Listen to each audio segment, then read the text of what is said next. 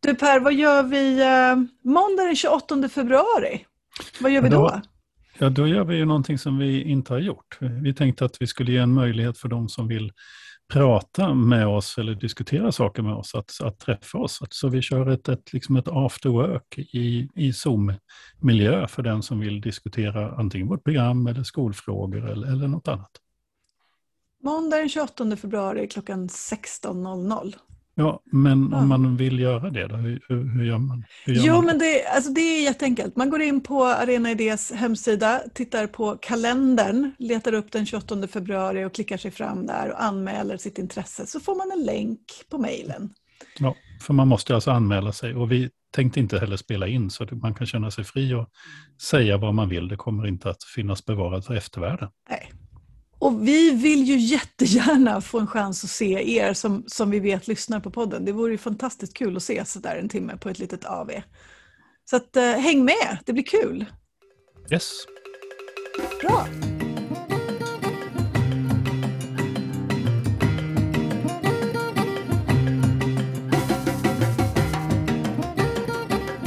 Men då, då kör vi igång tycker jag. Hej och välkommen till Kornhall och Nets, skolpodden som Per Kornhall och jag, Ingela Nets, gör i samarbete med tankesmedjan Arena Idé.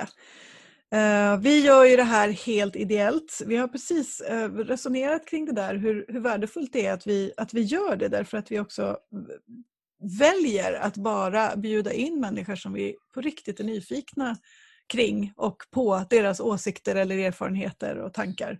Eh, I allt som rör både skola och samhälle. Ehm, för att vi helt enkelt är så passionerat intresserade av de här frågorna. Och idag har vi en person som gäst som drömde om att bli flygledare men som blev lärare och sen skolledare. Och som också haft ett starkt politiskt engagemang sedan han var väldigt ung. Eh, och som nu sedan 2018 har liksom valt att jobba politiskt på heltid. Välkommen till podden Jan Jönsson, socialborgarråd i Stockholm. Tack så hemskt mycket. Roligt att du vill vara med. Ja, väldigt roligt att få bli inbjuden. Eh, särskilt till eh, en gammal rektorskollega. Ja, men precis. Du och jag jobbade i Södertälje kommun samtidigt för ungefär 15 år sedan. Eh, och träffades i ett antal sammanhang under de, de åren förstås. Så. Ja men roligt. Du, flygledare, du drömde alltså inte om, om att bli pilot. Säger det någonting om dig som person? Eh, ja, det har jag faktiskt inte riktigt tänkt på själv, men det skulle det mycket väl kunna göra. Eh, jag har, mitt flygintresse har ju egentligen alltid bestått i mer av det som är runt omkring flyget. Alltså flygplatser, logistik, eh, hur fungerar systemen och sådär. Ehm, och ehm, hur är liksom servicen inuti flygplanet snarare än att det kanske har varit så väldigt mycket intresse kring liksom tekniken i själva flygfordonet så att säga. Ehm, och det kanske också säger en del om hur jag tänker kring andra delar av livet eh, vad gäller liksom eh, ja, men att förstå helheter och att eh, påverka eh, det hela och inte kanske alltid gå in i detalj i varenda liten del.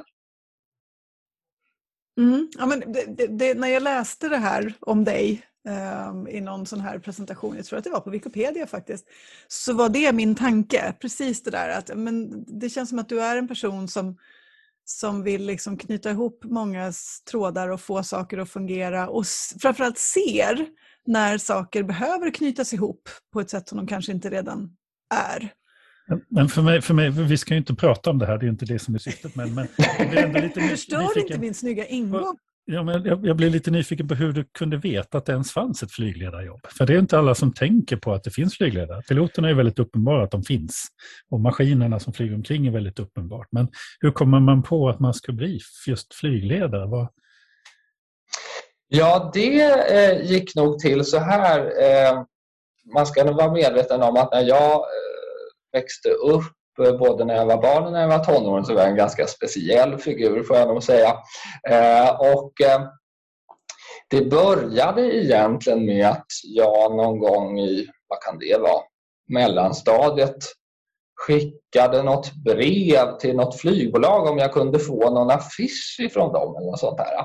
För att jag hade sett någon affisch eh, någonstans och fick då väldigt mycket mer än de där affischerna. Och Sen så, så då skickade jag ännu fler brev till fler flygbolag och de liksom hällde ut böcker och grejer. Eftersom på denna intresserade liksom, eh, person.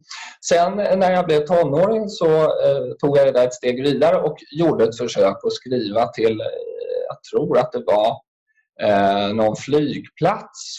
För att jag skulle göra ett arbete nämligen om flygplatser och flygets utveckling i högstadiet och fick svar från alla möjliga håll. Men så var det då Malmö Sturup som svarade så här. Ja, vi har inget bra material, men du kan få komma till oss. Och där ligger flygledarhögskolan. Så att, eh, det var så jag kom i kontakt med det här yrket. Ja, ja men det, då, då förstår jag fullständigt. Ja. Men så valde du att bli lärare. Vad, vad, är du, vad har du för, eh, så vilken, vilken typ av lärarexamen har du? Jag är ju då grundskollärare 4 till 9 eh, och jag har en ganska speciell eh, ämneskombination för jag har ju då svenska, svenska som andraspråk och matematik. Eh, och det var därför att jag visste redan när jag sökte till lärarhögskolan att jag ville jobba med elever i behov av särskilt stöd och på någon sån där högskolemässa gick jag runt och frågade hur, hur kan man liksom välja den här specialpedagogiska inriktningen. Och på den tiden var det så att det fanns inte eh, någon speciallärarexamen för den hade inte införts då, eller återinförts kanske man ska säga. Eh, specialpedagog förstod jag ganska snabbt att det var inte riktigt det som jag var inriktad mot för att det var liksom inte den här handledande funktionen utan det var att jobba med riktiga elever. Och eh, jag hade läst eh, naturvetenskap på gymnasiet eh, och tyckte väl att då har man läst väldigt mycket matematik. Samtidigt så var jag verkligen språkligt inriktad. Egentligen så ville jag börja med svenska och tyska var min plan. men ville liksom inte slänga bort hela matematikgrejen så jag frågade explicit Går det att läsa matematik? Och då sa de då på Lärarhögskolan i Stockholm, ja, ja, ja, ja, det är bara att söka för det där kan du göra på ditt valbara år sen. Ha. eh, sagt och gjort. Jag började på Lärarhögskolan, lärde svenska och tyckte att när jag läste det ämnet så hade man ju en liten del som var om svenska som andraspråk och den var ju så otroligt intressant. Eh, och jag tyckte också att det passade så väl in i det här tänket med elever i behov av särskilt stöd och kanske jobba i utsatta områden och sånt. Och det fanns ju dessutom en och finns en enorm arbetsmarknad för lärare i svenska som andraspråk, vilket det inte finns i tyska. Det är ett nästan utdöende språkval tyvärr. Eh, så att sagt och gjort, det fick bli svenska som andraspråk. Sen kom jag då till det här valbara, valbara eh, terminen var det väl egentligen. Och eh, då tog det plötsligt stopp och jag fick besked att nej, du, du som går språklig inriktning, du kan inte läsa matematik. Och, jag, och då hade jag ju gått jättemånga år och liksom tänkt att ja, men det, är ju, det är ju så ska det bli. Nej, du får välja någonting annat. Ha, ja, då var jag lite moloken över det där för att det som jag kände liksom läsa ytterligare ett språk var inte det som jag hade tänkt mig och jag, allt det annat var såna här ja, men, mer tramskurser, man ska säga, som liksom inte gav något riktigt ämne. så. Och jag kände att svenska och svenska som andraspråk kanske skulle bli lite tunt. Så jag tänkte ja, då blir jag väl tunn att ta engelska då, men det var ju inte det jag hade tänkt. Ja, och så skrev jag i alla fall, jag tänkte jag kan ju inte bara lämna detta utan att i alla fall framföra min irritation. Så jag skrev ett mejl till någon prefekt på matematikinstitutionen där på lärarhögskolan. Och det kommer inom någon dag ett svar från eh, en, ja, det är någon prefekt som svarar. Den innehåller bara en mening om det finns någon som vill läsa matematik i det här landet så ska den väl få göra det. Så sen var, det, så sen var denna kombination uppfunnen och eh, det är liksom eh, jag har inte träffat på någon annan som har den kombinationen men jag kan ju säga att den är ju väldigt bra om man ska jobba med elever som har eh, behov av särskilt stöd. Mm. Därför att de har ofta eh, svårigheter inom båda områdena. Det låter väldigt eh, användbara. Mm. Mm. Och det gjorde ju också, vilket jag inte riktigt hade trott skulle vara möjligt, men att redan när jag började som lärare eh, så eh, blev jag direkt erbjuden att jobba på ja, någon form av motsvarande speciallärartjänst fast att det inte fanns den titeln då. Mm. Och sen är det ju mycket det som jag har varit inriktad mot i hela mitt lärarliv. Mm. Och lärarlivet övergick sen i ett rektorsliv då under ett antal år. Och, och det, nu har jag inte liksom detaljkoll på alla platser du har varit, men Botkyrka har ju varit liksom en, en uh, tydlig hemvist för dig. Uh, men vi såg ju också i Södertälje. Uh, och du har hela tiden sökt dig till uppfattar jag det som, just skolorna som finns i utanförskapsområden. I Botkyrka var du ju rektor på, på Karsby International School bland annat. Då, då som, som väl har en, en väldigt hög andel eh, elever som, som har ett annat modersmål och många som har kommit till Sverige liksom i, så mm. sent i livet, om man nu ska uttrycka sig så, för ungdomar, men dock. Vad, vad, vad kommer den här liksom, vad utgör dragningskraften? Ja, eh, jag är ju född och uppväxt i Sätra eh, och jag bor nu i Bredäng och Bredäng är ju ett område som klassificeras som eh, utsatt enligt den här listan då som polisen har. Det är inte särskilt utsatt, men det är utsatt. Jag ska eh, säga det också bara att både Sätra och Bredäng är alltså förorter söder om Stockholm. Precis. eh, och eh, jag, väl, i själva stadsdelen, då, Skärmen stadsdelsområde, så är ju Vårberg till och med särskilt utsatt. Så att, eh, eh och jag har växt upp med huvudsakligen eh, vänner, skulle jag säga, som har på något sätt ett eh, annat ursprung än att de heter Jönsson eller Andersson i efternamn.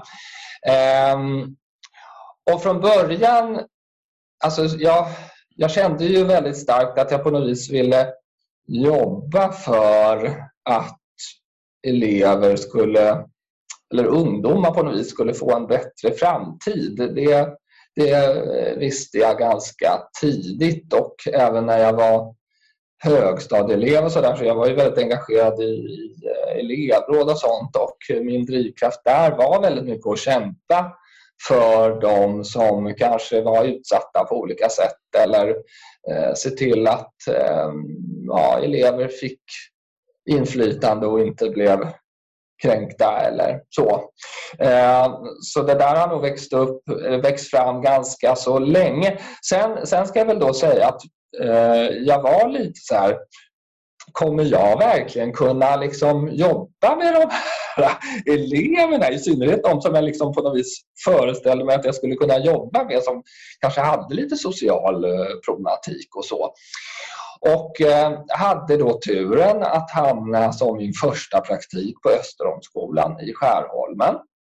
Och eh, det var ett renodlat högstadium, ett väldigt stort högstadium som ju dessutom eh, får man nog säga, hade en hel del problem med våld och ja, det var rörigt och stökigt bland eleverna på olika sätt. Ehm, och jag var väldigt, väldigt nervös eh, inför den där praktiken och tänkte att det här kanske blir liksom slutet på min lärarbana redan liksom i början. Men konstigt nog så märkte jag redan efter några dagar att jag klickade precis med den elevgrupp som jag ville jobba med, det vill säga i huvudsak eh, tonårspojkar eh, som strular till det. Och jag har många gånger funderat på vad det där beror på, för det har liksom upprepats för varje arbetsplats som jag har varit på att det är precis den målgruppen som, som, som jag själv ofta liksom, eh, lägger mina armar över, eller vad man ska säga, och som också lite tyr sig till mig. Eh, jag är ju en väldigt lång och väldigt smal person. Eh, möjligtvis har jag blivit lite mer eh, påbyltad här med med åren, men det är fortfarande, jag brukar säga jag går och gymmar två gånger i veckan och ser fortfarande ut som en benjet. Eh, och då, eh, då har jag en känsla av att jag, jag blir liksom inget hot för dem överhuvudtaget. Eh, men samtidigt har jag alltid försökt att vara väldigt, väldigt genuin i mitt engagemang och jag tror att det är det som de liksom känner av eh, och att det är därför som, som det liksom har funkat. Och, eh, det gjorde ju att jag liksom tidigt såg att ja, men här har jag en funktion att fylla. Och sen dess har jag liksom mer och mer gillat eh, just att jobba i den typen av områden och skolor därför att eh, ibland kan man få bilden av att allting bara är elände och katastrof och att det typ är någon slags ständigt pågående slagfält som man kommer in när man går på de här skolorna. Men det, jag skulle säga att eh, det, det är ju ofta skolor som är fyllda med kärlek och intresse och nyfikenhet och eh, nog för att jag har stött på också elever som eh, har eh, oerhört omfattande och krävande, ibland eh, nästan övermäktig eh, social problematik med ganska grov kriminalitet och våldsamhet och sådär. Eh, men jag har alltid alltid liksom älskat det som jag har gjort och de här eleverna som, som jag har fått förmånen att eh, träffa där. Och, eh, ett av de tydligaste kvittona på att jag i alla fall verkar ha gjort någon nytta tycker jag är eh, att jag då och då träffar på gamla elever. Och eh, hittills så är det liksom ingen som har varit sur eller undvikit utan tvärtom så har de liksom kommit oerhört glatt fram och berättat om sitt nuvarande liv och, och sådär och haft positiva minnen från, från skolan. Så det känns ju roligt.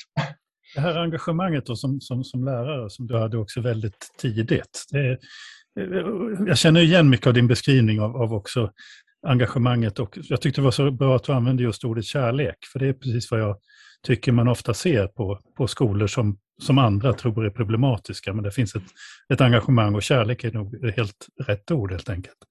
Men, men sen blev du ju rektor. Var det var det för att du ville bli rektor eller var det också där samma engagemang som var en bidragande orsak och, och, och en drivkraft i det jobbet? Eller? Eh, det är faktiskt så att redan första dagen, det här brukar mina medstudenter från lärarhögskoletiden då och då eh, skämtsamt påminna mig om. Eh, jag tror att varandra dagen skulle man ta med sig ett föremål för att presentera sig själv och jag tog med mig en ordförandeklubba och sa så här. Ja, eh, jag ska gå på lärarhögskolan därför att jag vill bli rektor. Eh, så det hade jag liksom redan bestämt då. Eh, jag har en morfar som jag visserligen aldrig har träffat för han dog när jag var ett år men han var också rektor. Så jag vet inte om det finns något genetiskt där.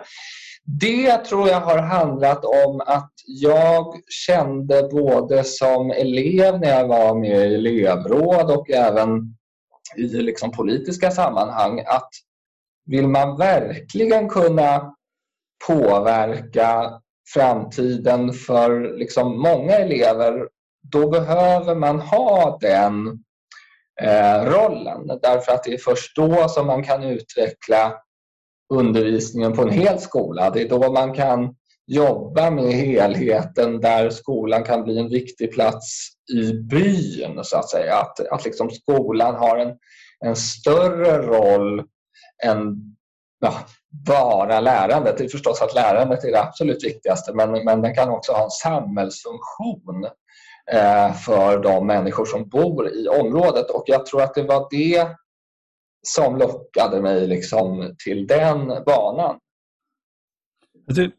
Nu får jag en sån här systemfråga som jag tänker på. För att min erfarenhet är ju inte att man, man, man börjar på lärarutbildningen så säger man till eh, studenterna eh, eller till mig när jag gick en gång att ja, nu har du börjat första steget på en bana som ju kan innebära att du till exempel blir rektor. Jag menar att det finns ingen tydlighet utan rektor är någonting som händer. Nu har vi visserligen en statlig rektorsutbildning sedan några år tillbaka så det finns ju ett spår. Men det finns ju ingen tydlighet här i, i någon sorts karriärsvägstänk som ju finns i många andra skolsystem. Jag tycker att det är bra att man är lärare först innan man blir rektor, så det vill jag ha sagt också. Men, men, men att det inte finns någon tydlighet i systemet kring hur man faktiskt blir rektor. Nej, inte alls. Och eh, jag menar, det var ju, det var ju tydligt i den klassen som, som jag gick i, hela, hela den årskursen. Jag var nog den enda som liksom hade den ambitionen redan då. Eh, du, sa till, och, du sa till och med jag, jag vill bli chef över er. ja, precis. Och sen, och sen ehm, så är det en del andra i och för sig som har blivit både biträdande och rektorer och till och med mer därtill. Ehm, men eh, nej, det är inte alls tydligt uttalat och jag minns väldigt väl när jag kom på sån här facklig intervju för jobbet i Botkyrka då, i Norsborg. Där var det en av de fackliga representanterna centralt som frågade så här Men du har ju jobbat jättelänge som lärare. Varför vill du varför ska du vara rektor för? Det var liksom, det var, det, jag, jag kände det var så märkligt. Liksom. Det var som att, nej, om man är en liksom duktig lärare ska man inte ta det klivet. Det är liksom mer för människor som vill hålla på med administration. Och så, så tror jag synen har varit väldigt länge och inte minst när jag gick på lärarhögskolan så var ju synen definitivt det. Att rektorerna var någon slags ekonomiska budgethållare snarare än pedagogiska utvecklare. Det är någonting som har kommit med senare år och inte minst med rektorsutbildningen skulle jag säga att rektorsrollen har blivit mer den som jag kanske drömde om eh, redan då. Mm. Och då har du lämnat skolan. För 2018 så blev du vald till socialborgarråd i Stockholm. Och det sa inte jag i introduktionen. Du eh, sitter ju i din roll som socialborgarråd för Liberalerna. Och vad jag förstår så, så har du också varit liksom engagerad i Liberalerna sen, sen nästan barnsben, stämmer det? Ja, jag hävdar ju bestämt att jag blev medlem när jag blev, var 12. Eh, och det säger ju då eh, förståsigpåarna att det fick man inte för man måste, det fanns en 13-årsgräns. Men jag, jag tycker fortfarande att jag blev medlem när jag var 12. Du kanske skrev ett brev? ja, precis. Och då var det till och med så att jag blev medlem i själva partiet. Det hette ju Folkpartiet på den tiden i vår lilla lokalförening i Skärholmen. Och så var det någon som ringde, tror jag, från partiets Stockholms kansli och eh, sa så här, men du som är så ung, du ska nog gå med i ungdomsförbundet. Ja, då gick jag med i ungdomsförbundet eh, och insåg ganska snabbt, nej men nej, jag, jag vill jobba med riktig politik, inte liksom någon så här eh, eh, program som inte liksom kommer att gå fram till riksdagen och sådär. Så att det blev helt enkelt så att när jag var 12-13 där så började jag engagera mig i själva partiföreningen. Så det var jag och ett antal äldre eh, damer och herrar där de allra flesta skulle jag säga var ju definitivt en bra bit över 60. Eh, men de var mycket förtjusta i denna eh, unga person och jag har blivit bjuden på väldigt mycket eh, goda bullar och sånt på sådana här möten i min, under min uppväxt. Men du sa, när du, när du, när du fick rollen som, som socialbyråråd så, så sa du också att du, du, du såg att du hade mycket liksom att tillföra de frågorna som ryms inom, inom liksom det ansvarsområdet just med din erfarenhet från skolan. Vad, kan du ge något exempel konkret? Vad tycker du att du faktiskt har kunnat tillföra i, i Stockholmspolitiken nu då, de senaste tre, fyra åren?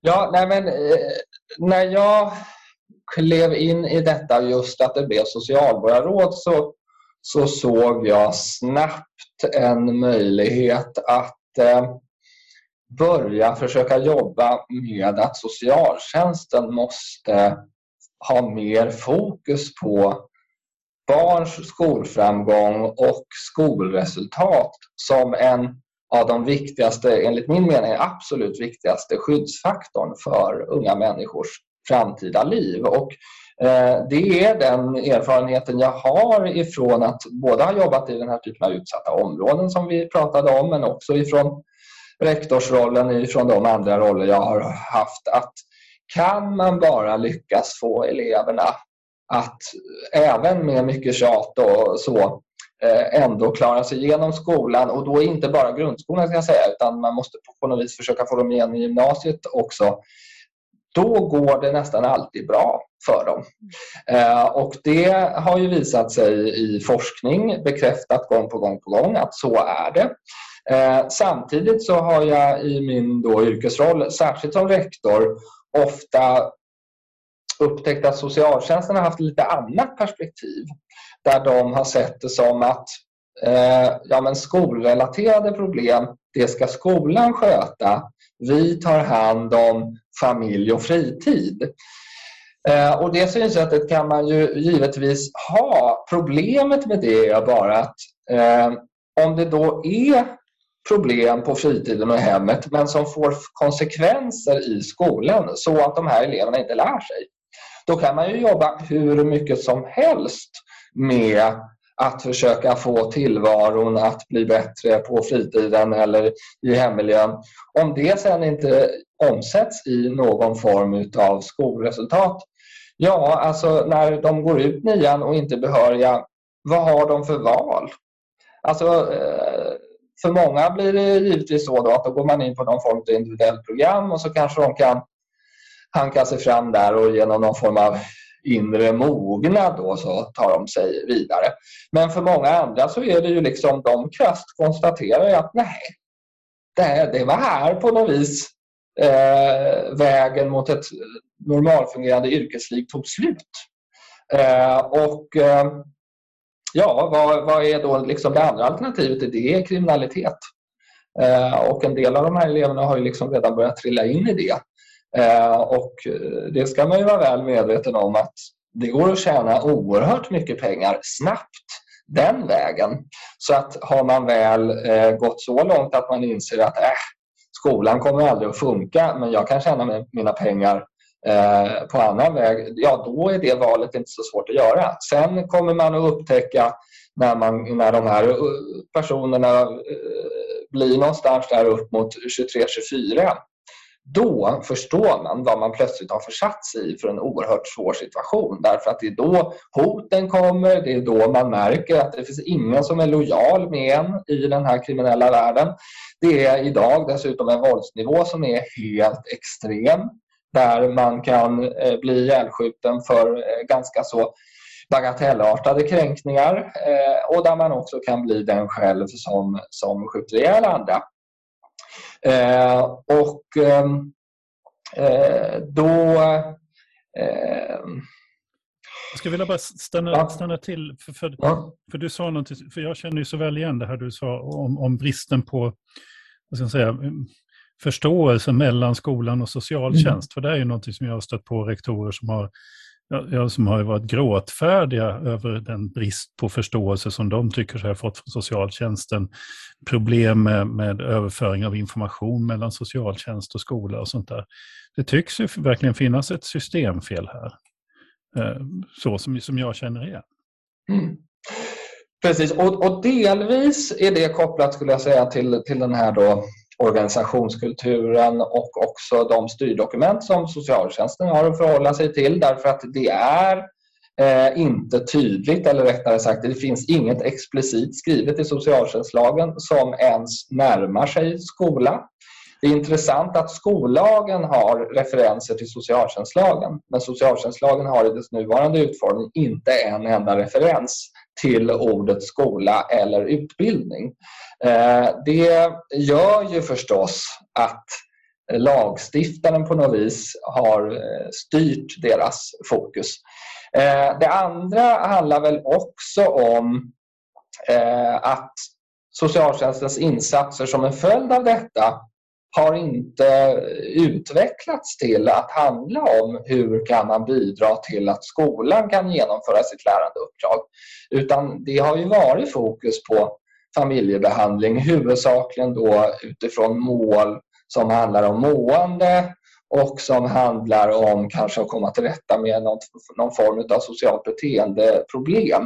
Eh, men där man inte har alls för vana att utvärdera det mot kan vi då se att det nu går bättre i skolan? Utan man tittar, går det bättre i hemmet? Eh, föräldrarna klarar av sin föräldraförmåga bättre. Det kan förstås leda till att det börjar gå bättre i skolan. Men det behöver inte alls göra det för att det kan ju visa sig att också det när man har jobbat med hemsituationen finns en massa inlärningsbehov som behöver täckas upp men som har dolts av den sociala situation som har funnits.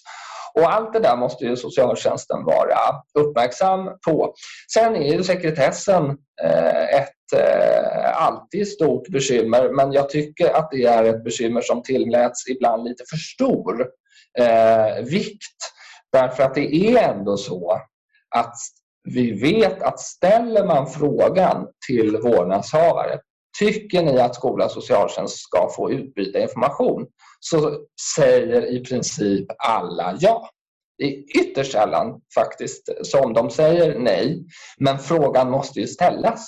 Mm. Och det finns, har inte funnits rutiner och riktlinjer kring det eh, bland annat i Stockholms stad för att, att eh, göra det. Nu finns det det på plats men det har inte gjort det förut. Och datasystemen har inte heller styrt mot att man ska ställa den här frågan. Jag, jag, får en sån här tanke, för det här är någonting som jag aldrig har tänkt på förrän jag, jag, jag läste på lite kring vad du har gjort och sånt. Just den här eh, Ehm, alltså bristen på samhör, samstämmighet mellan vad vi vet om skolans betydelse och mellan skollagen och socialtjänstlagen. Och då blir jag ju lite så här mörkrädd och, och så kommer jag också på att det innebär också att alla de som jobbar inom socialtjänsten, då finns ju inte det i deras utbildningar. Förstår det inte i lagen så finns det ingen anledning för deras högskolor att egentligen att lyfta de här frågorna. Eh, så. Och det här samtidigt som vi vet, jag vill bara banka hem det också, att det finns ju till exempel en, en social rapport 2010, är en sån där referens som jag har i huvudet, det finns säkert någon senare, men, men de la ju, det var ju kristallklart att slutbetyget i årskurs 9 var ju den, den faktor som kraftfullast av alla hade något samband med, med, barn, med ungdomars eh, kriminalitet, med eh, missbruksproblem, med självmord, med, alltså så. Alltså skolans betydelse var helt enkelt, den var viktigare faktiskt än föräldrarna. Mm. Eh, vilket ju sådär ställer allting på huvudet. Men, men, men, det var då 2010, men vi har fortfarande samma lagstiftning. Så, så jag, jag blir lite sådär... Mm. Ja, och när det gäller lagstiftningen så sen jag tillträdde här så har ju eh, utredningen av en ny socialtjänstlag pågått och den presenterades ju då i augusti 2020 eh, efter många års utredande. Och eh, i den utredningen så fanns det med att man skulle titta på, är det så att vi borde införa några formuleringar om skola, lärande i socialtjänstlagen och eh, jag råkar ha haft viss inblick i eh, vad de här utredarna tänkt och det var nog så att det fanns ett ganska stort stöd bland de som var fackmannamässiga utredare så att säga för att man faktiskt borde göra en sån sak. Eh, men det verkar sen som att det här har fallit på eh, därför att Utbildningsdepartementet och Socialdepartementet de jobbar i sina stuprör och man vill inte kliva över i varandras fögderier. Så då la utredningen, eh, när den presenterades fram, aldrig fram något förslag om att man skulle ha eh, skola och mål inom skolgång som en viktig prioriterad del inom socialtjänstens insatser och utredningar och liknande. Eh, det här har jag sedan träffat både utbildningsministern om, socialministern om, deras statssekreterare om. Alla verkar eniga om att det är precis det här som skulle behövas. Nu får ni ursäkta att jag tappar min hörlur. Eh, men eh, ändå händer liksom ingenting. Nu har jag lyckats få Sveriges kommuner och regioner att i sitt remissvar skriva att man faktiskt bör titta på den här aspekten när man tar fram propositionen. Eh, nu, verkar inte, nu verkar den dröja. Vi hade trott att den skulle komma innan valet men nu står det klart att den, den kommer inte att komma för att eh, den här propositionslistan för våren presenterades häromveckan och då finns ingenting om socialtjänstlagen med. Eh, men jag befarar ju att man kommer att låta stuprören styra snarare än att se att socialtjänst och skola jobbar med samma barn och de är så att säga en helhet. De är inte någonting som delas upp i administrativa stuprör.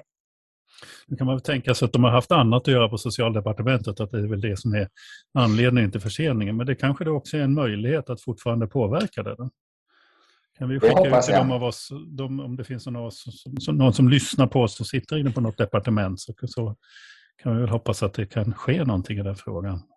Mm. För, för det som, som jag tänker blir konsekvensen då av det, eller en av konsekvenserna, är ju att, att nu sitter man i stort sett i varenda kommun i Sverige och försöker liksom skissa på någon sorts lokala överenskommelser för att nå det här. I, i, i Nykvarns kommun där jag jobbar så har vi under ett antal år, det startade som ett projekt men är nu liksom en befäst samarbetsform. Men det är ju fortfarande så att man ständigt på något vis fightas med att man har helt olika olika styrdokument som, som då inte liksom pratar med varandra.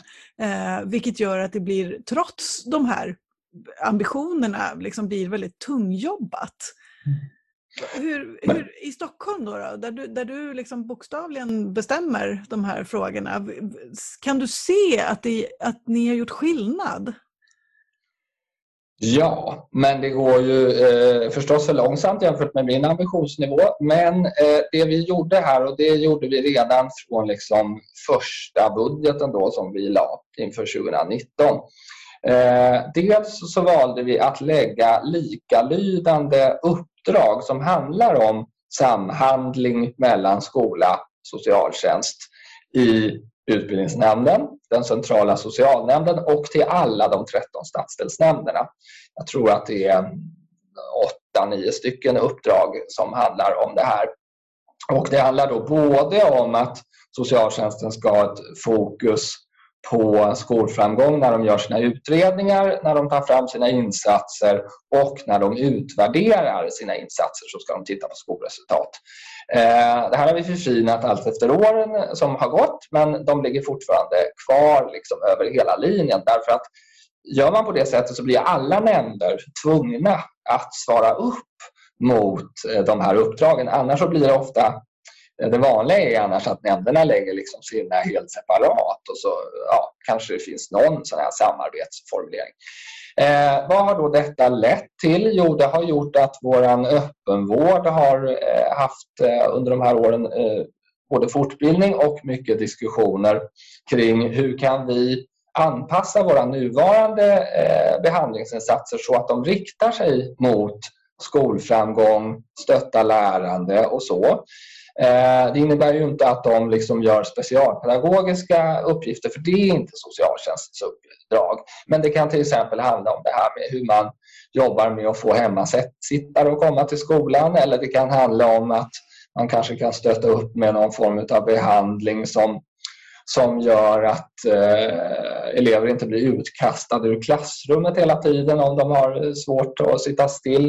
Eh, det kan handla om att föräldrar Eh, Eh, ska förstå hur de ska föra en dialog med skolan så att det inte blir konflikter hela tiden. Eh, antingen med barnet hemma eller med lärare och sådär. Eh, det finns många olika sådana exempel. Vi har också sagt att vi ska börja sammanställa skolresultat, alltså betyg för alla elever som är omhändertagna.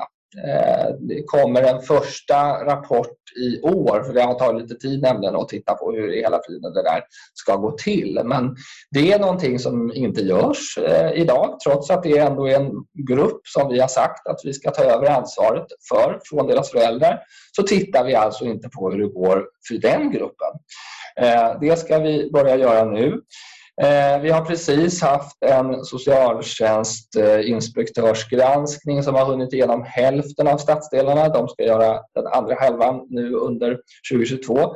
Den visar att från att man tidigare nästan inte alls uppmärksammade skola i liksom utrednings och insatsförfarandet så är vi nu uppe i att 75 procent av alla utredningar har ett väldigt tydligt skolresultat, eh, skolfokus och i hälften av alla insatser så har man nu uttryckligen skrivit in mål som handlar om att insatsen ska utvärderas mot hur går det nu för eleven i skolan.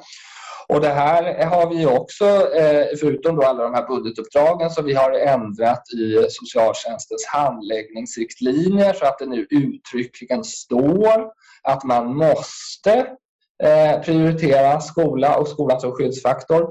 Eh, socialförvaltningen har gjort ett mycket omfattande arbete med att titta på vilka metoder finns i andra delar av Sverige, i Europa, i världen och utifrån det tagit fram stödmaterial som då går ut till alla socialsekreterare. Den beskriver både konkreta metoder och den beskriver eh, också förhållningssättet som man behöver ha gentemot skolan. Det vill säga att när skolan gör orosanmälan eller berättar om en oro kopplad till en elev, då är det alltid något som ska tas på högsta allvar och eh, liksom ibland kanske till och med med större seriositet än en del andra eh, sociala problem. Eh, där, just därför att skolan är så himla viktig att klara. Eh, och det här det liksom börjar, eh, märker jag ju mer jag är ute i verksamheterna, att, att liksom ge eh, effekt. Sen får jag alltid frågan så här, ja men ska socialtjänsten ta över liksom hela skolans ansvar? Nej, givetvis inte. Skolan måste ta hand om sitt uppdrag och det är ju lärandet och det är de specialpedagogiska eh, insatserna och det är att liksom hitta vägar fram till det bästa lärandet för varje elev. Det kan aldrig socialtjänsten göra, men socialtjänsten kan hjälpa till med förutsättningarna kring att den här elevens lärandemiljö blir så fungerande som möjligt.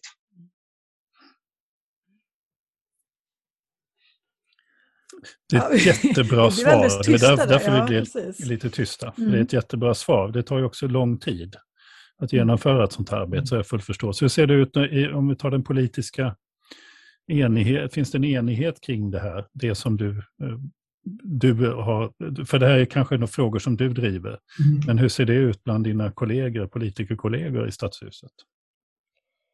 Ja, och det är ju också någonting som är väldigt glädjande. Jag minns att när jag började prata om det här så jag ska inte säga att det har funnits något motstånd, men det har funnits mycket frågor om men är det här verkligen rätt tänkt? Och liksom, vad ska socialtjänsten in i skolan nu och göra? Och, alltså blir inte det här liksom eh, rörigt och oklart vem som har ansvar och sådär? Från att det liksom har varit väldigt mycket av de frågorna Eh, så har eh, vi fått total enighet i kommunfullmäktige om att det är det här som är den rätta vägen. Eh, och jag skulle säga att engagemanget har liksom ökat mer och mer bland andra partier för att vi måste ha skolperspektivet i allt. Och det gäller liksom inte bara det här renodlade liksom med barn och ungdomar som kanske har problem eller svårigheter i sin vanliga skola utan det handlar även om hur tar vi hand om skolgången för barn som har hamnat på skyddat boende därför att deras mamma blir misshandlad? Hur gör vi med barnen som är på SIS-institution? Hur gör vi med barn som kanske eh, valsar runt därför att de har ingen liksom, eh, fast bostad, familjen? Eh, hur, eh, hur kan vi öka möjligheterna för, för barn och unga att få tillgång till bibliotek om det är så att man inte har några som helst böcker hemma till exempel. Eller hur, hur får vi fram läxor? Alltså det finns massor med andra eh, aspekter inom socialpolitiken som jag upplever att eh, liksom politiken har blivit uppmärksammad på och nu också driver, inte bara från min sida. Eh, så ja, min starka förhoppning är att, när ingen vet hur det går det här valet, men att om jag blir utkastad från den här stolen så, så ska det, det här kunna leva vidare. Eh, sen tror jag ju alltid att det behövs ändå att den som, som liksom ja, sitter i toppen, det låter så fånigt, men, men att, man, att man faktiskt driver väldigt mycket av det själv. För det är, precis som du var inne på Per, det är ett grundläggande problem att socionomutbildningen har inte det här fokuset. Eh, och det gör ju att alla nyanställda och liksom organisationen måste ständigt påminnas om den här aspekten för att den inte ska tappas bort. Du, nä du nämner äh, valet med lite så här, vi vet inte riktigt hur det går. Ähm, det, det, går ju inte jättebra för Liberalerna i opinionsmätningar just nu, måste vi väl ändå tillstå. Ähm, det går inte så bra. Nej. nej. Och, och, och, det finns ju en aspekt där som, som och det finns ju experter som kan mer säkert än vad, vad jag kan bedöma vad, vad, det beror på. Men, men det var ju liksom en väldigt viktig, ett viktigt vägval för något år sedan när, när eh, man bestämde sig i partistyrelsen att, att, att öppna för ett möjligt samarbete med bland annat SD i, i liksom ett, ett, eh, en, en högerallians eller vad vi nu vill kalla det. Mm. Du var ganska tydlig där, att du inte tycker det. Eh, och jag utgår från att du fortfarande inte tycker det. Va, va, kan, du liksom, kan du vara kvar i partiet? Hur, hur, eh, hur blir det här rent känslomässigt liksom, för någon som är så starkt engagerad i de här frågorna som du är och också en så numera tydligt profilerad liberal politiker? Ja, alltså denna fråga har jag ju vänt och vridit på eh, ända sedan vi tog beslutet då i mars om en ny riktning. Och eh, då ska man väl börja med att säga att det är ju inte så att det är någon i våra partier som har någon eh, liksom, eh, dröm och önskan om att behöva samarbeta med Sverigedemokraterna, inte med ehm, eh, Vänsterpartiet heller för den delen. Utan diskussionerna har hela tiden handlat om hur får vi till ett Eh, maktskifte. För det är ingen hemlighet om att Liberalerna vill helst ha liksom en liberal och borgerlig regering.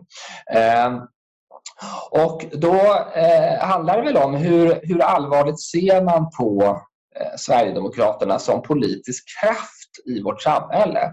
Och jag menar ju att Sverigedemokraterna är ytterst problematiska utifrån sina rötter. Eh, det är ingen hemlighet att det finns gamla nazister som har liksom varit med och grundat och eh, enligt min uppfattning så är det ett parti som fortfarande har en eh, i stora delar rasistiskt partiprogram. Sen har de lite liksom ja, satt en fernissa på sig själva kanske nu för att bli mer eh, samarbetsfärdiga. samarbetsfähiga. Men det är fortfarande min uppfattning. Och då eh, fick ju inte jag som jag ville utan eh, partiet sa att nej men, det är ett viktigt mål att man inte ska ha en socialdemokratisk regering för evigt i Sverige. Och om det kräver ett samarbete med flera andra partier, inklusive SD, så må väl det vara hänt. Men vi har också sagt, och det är det här som har gjort att jag känner att bra, då kan jag fortfarande vara kvar i den här rörelsen. Eh, vi har satt upp väldigt tydliga linjer för vad kan vi acceptera. Det ena är att vi säger så här, nej, Sverigedemokraterna kan aldrig få ministrar i en regering som vi stödjer. Det kommer aldrig att hända, då röstar vi rött. Eh, det andra är att vi också har sagt att det finns ett antal eh, principer och värden som en sån ny regering ska uppnå. Och det är för det första förstås, det ska leda till ökad frihet för människor, inte minskad frihet. Eh, vi har sagt att eh, det internationella biståndet ska värnas asylrätten ska värnas. Eh, vi har sagt att vi kan inte acceptera några inskränkningar vare sig public service, bredd eller självständiga utbud, kulturens självständighet eller vad gäller sådana här saker som forskning och så. Och sen så finns det, kan vi, om vi liksom kan ena oss om den plattan. Domstolarna ska förstås också vara fortsatt oberoende och vi vill ju till och med gå så långt som att tillsätta en, en utredning för att ta fram en författningsdomstol. Eh, det kanske vi inte får igenom i den där regeringen men det är i alla fall någonting vi vill. Eh, om man kan ena sig om de här liksom, eh, demokratiska liberala principerna, ja då är vi öppna för att diskutera sakfrågor. Både med SD och med Vänsterpartiet och med andra. Eh, men eh, frågan är, är svår, eh, det ska jag säga. Men eh, den har blivit på något sätt lättare efter att Vänsterpartiet gick ihop med Eh, eller snarare gick med på Sverigedemokraternas initiativ att avsätta den socialdemokratiska statsministern innan sommaren. För det var ju så att Liberalerna röstade inte för att avsätta Löfven i den omröstningen utan vi röstade för att han skulle kunna vara kvar. Eh, hade det blivit så hade vi fortfarande varit kvar i januariavtalet nu för enligt vårt beslut så skulle vi inför nästa eh, inför det här valet då säga att nu vill vi ha den här eh, borgerliga liberala regeringen. Ehm, och det är ju det som, som vi nu jobbar för. I Stockholm har vi fördelen att vi har ett grönblått samarbete och det är min uttalade vilja och Liberalernas uttalade vilja att det vill vi gärna fortsätta med. Vi tycker att den kombinationen dessutom är väldigt bra så vi skulle gärna se den även på riksplan. Så vad, vad, ja, kommer Liberalerna ens att vara en spelare att räkna med i, efter nästa val? Det hoppas jag verkligen. I Stockholm så eh, ser det ju inte riktigt så illa ut Nej. som det gör i övriga delar av landet. Även om vi gärna skulle vilja lägga högre här så ligger vi ju utifrån bara Stockholm högt över spärren. Eh, och Eh, jag känner också att vi i vår eh, kommunala politik får mycket positiv respons även från människor som tidigare inte har röstat på Liberalerna. Så det känns ju lite kul. Vad gäller det nationella planet, alltså vi kommer att få jobba stenhårt. Jag tror att det är jätteviktigt att vi försöker att fokusera skolfrågan för i de mätningar vi gör så är det där som vi har, har någon form av trovärdighet kvar om man liksom tittar i sakfrågor. Eh, och det betyder förstås att vi behöver välja bort en del annat. Eh, men i skolfrågan så har vi mycket bra att komma med och där har vi också nu utvecklat vår politik. Den är mer inriktad skulle jag säga kring hur elever i behov av särskilt stöd ska kunna få eh, det stödet tillgodosett. Eh, vi har en mer problematiserande syn på eh, vinstuttag i friskolor till exempel. Vi är fortfarande väldigt för eh, att man ska ha valfrihet.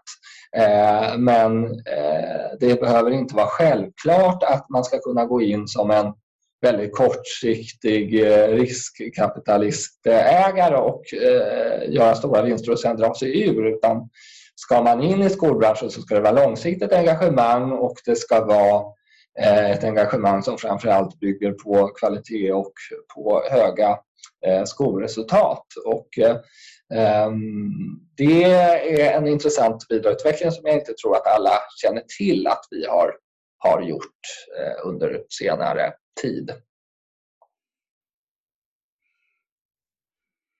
Nu blir vi så tysta igen.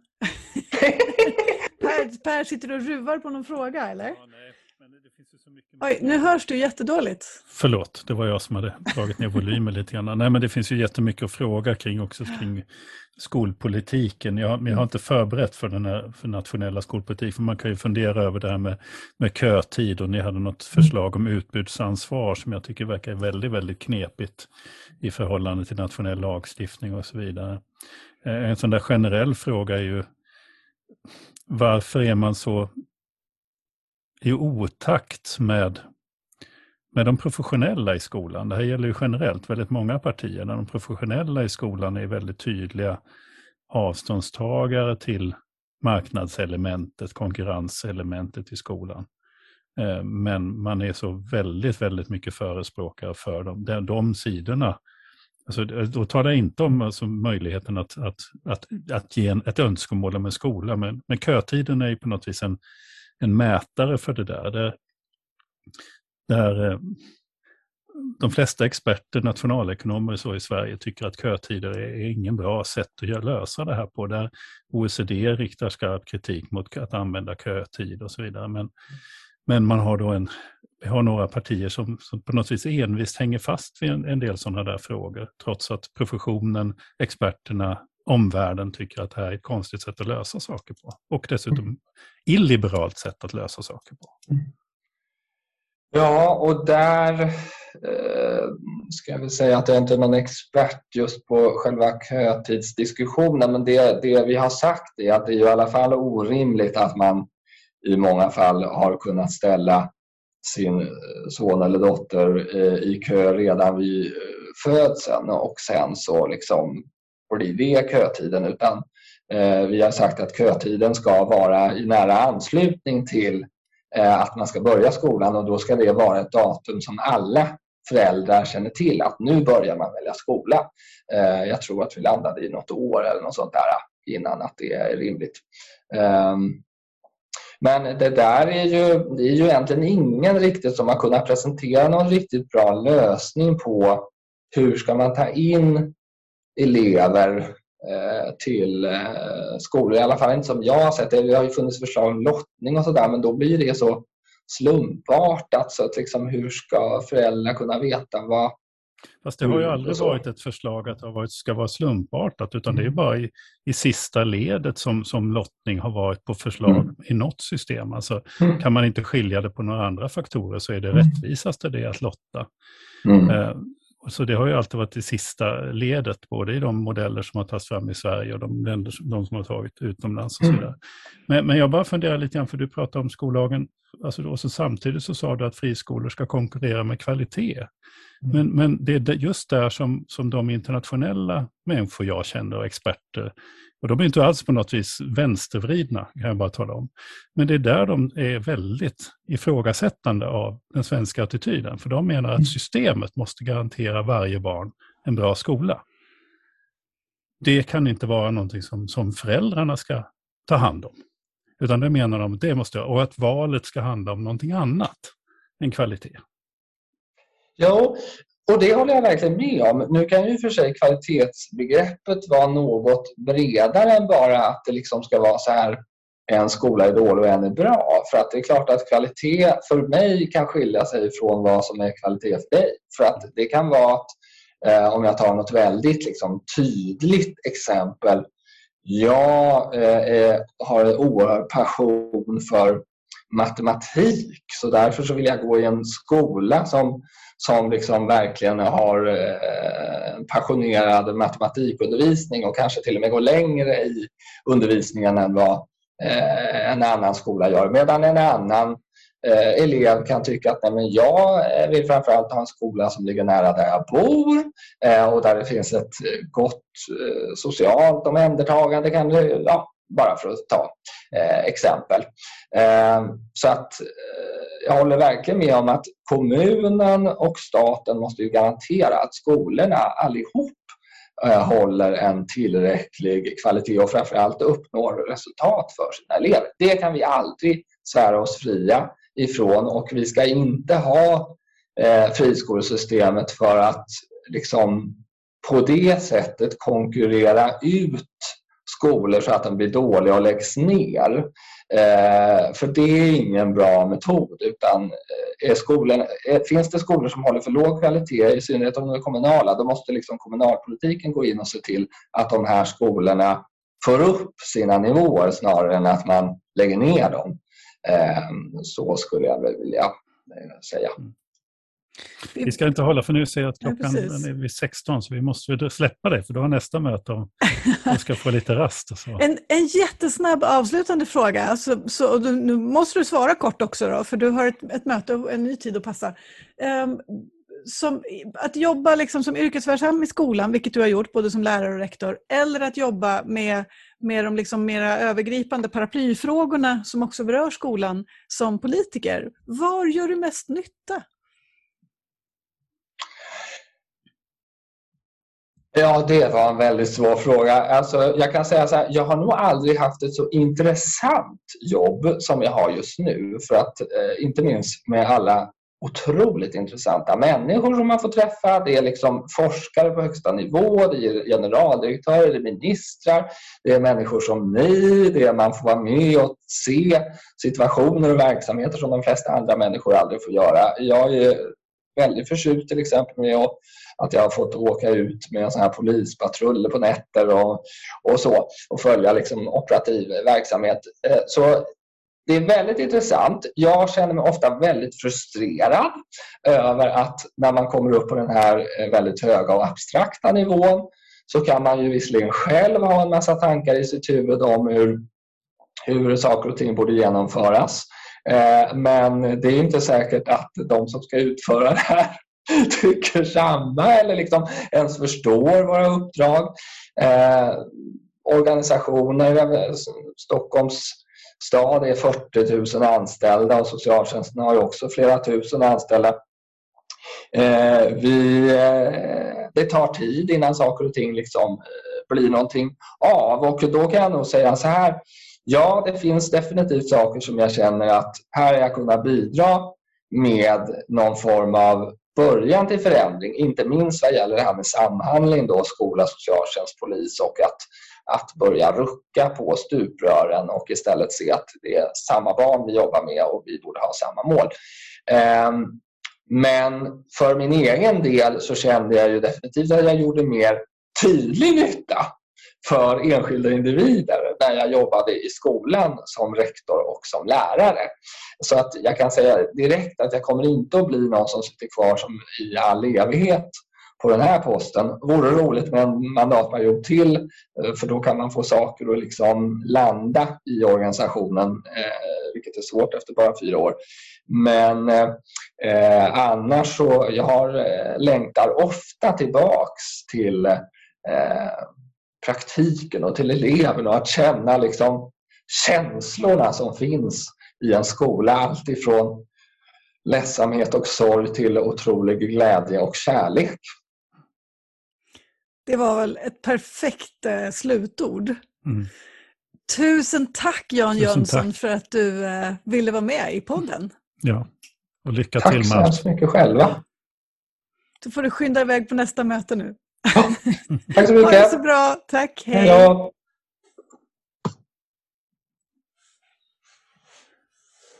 Ja. ja. Ännu en engagerad människa. Ja, verkligen. Och alltså, frustrerad. Han nämner ju det själv, mm. Jan, att, han, mm. att det liksom, trots att han då har en så pass hög position, för det har han ju verkligen, både liksom i sin roll i Stockholm men också då i, i partistyrelsen för, för mm. Liberalerna. Ändå den här frustrationen över att, att det inte händer saker. Liksom. Ja, det... Ens, men ändå händer det inte på något vis. Maskineriet är så trögt. Ja, det tar tid att genomföra ja. beslut och sånt. Ja. Men det är en jätteviktig signal i det, det att, att, det, att, det, att det tar tid, att man inte kan ha för mm. bråttom. Man måste ju låta alla medarbetare, som han sa, att de inte ens kanske förstår. Eh, och det var inte nedsättande från hans sida, uppfatta, utan det är bara det att det tar helt enkelt man, han har suttit för sin kammare och, och som rektor och funderat mm. över saker och så har han nu en möjlighet att genomföra det. Och så, det, så ska ju samma resa ska ju tusentals medarbetare göra. Och det, det låter sig inte göras i en handvändning. Det, det, tar lång tid innan, innan saker och ting liksom, innan människor kan bygga samma förståelse mm. Eh, av system och så. Mm. Vi har också, det har vi också nämnt någon gång tidigare, det här att det finns det finns också någon form av kvalitetssäkring i liksom det, den byråkratiska trögheten. Mm. Att man inte bara kan sådär, ja men det här låter bra, nu ändrar vi i alla styrdokument och i lagar och regler. Liksom. Mm. Med risk för att man då eh, faktiskt eh, fattar jättetokiga beslut som man inte ser konsekvenserna av kanske på en gång. Ja, sådär. Precis. Så att, eh, ja, men det, var, det var jätteroligt att prata med Jan tycker jag. Ja. jag han, han, nu är det ju som sagt 15 år sedan vi jobbade i samma organisation. Vi jobbade aldrig riktigt nära varandra sådär, men ändå, vi träffades ju regelbundet. Um, och jag, jag, han, han, han har liksom kvar samma passion och driv Mm. som jag tyckte liksom utmärkte honom redan då. Också den här enorma liksom, eh, kärleken till, till ungdomar som är på väg på glid. Mm. Och jag tycker det var så, när han in, i början där när han pratade om just det här hur han, han nästan tyckte det var lite märkligt att han liksom att de klickade så bra, han och de här tuffa Mm. grabbarna. Liksom. För Jan är ju, ofta, ofta tänker man ju så här i skolan att nej, men vi behöver någon liksom jättetydlig liksom, machoman som förebild för de här stökiga grabbarna. Ehm, och det kanske är precis tvärtom vi ska tänka. Mm. Det var Nu jätteintressant. var vi inte inne på det, för han har, ju, han har ju mycket tankar kring just det där Ja. machokultur bland pojkar. Ja, är lite synd att vi inte har, eller, eller ja, vi pratade om andra saker helt enkelt. ja men precis. Ja. Ja, men vi är, vi är nöjda för idag va? Absolut. Ja. Du har just lyssnat på ett avsnitt av Korn Hallonets. En podd som vi gör i samarbete med eh, Arena Idé.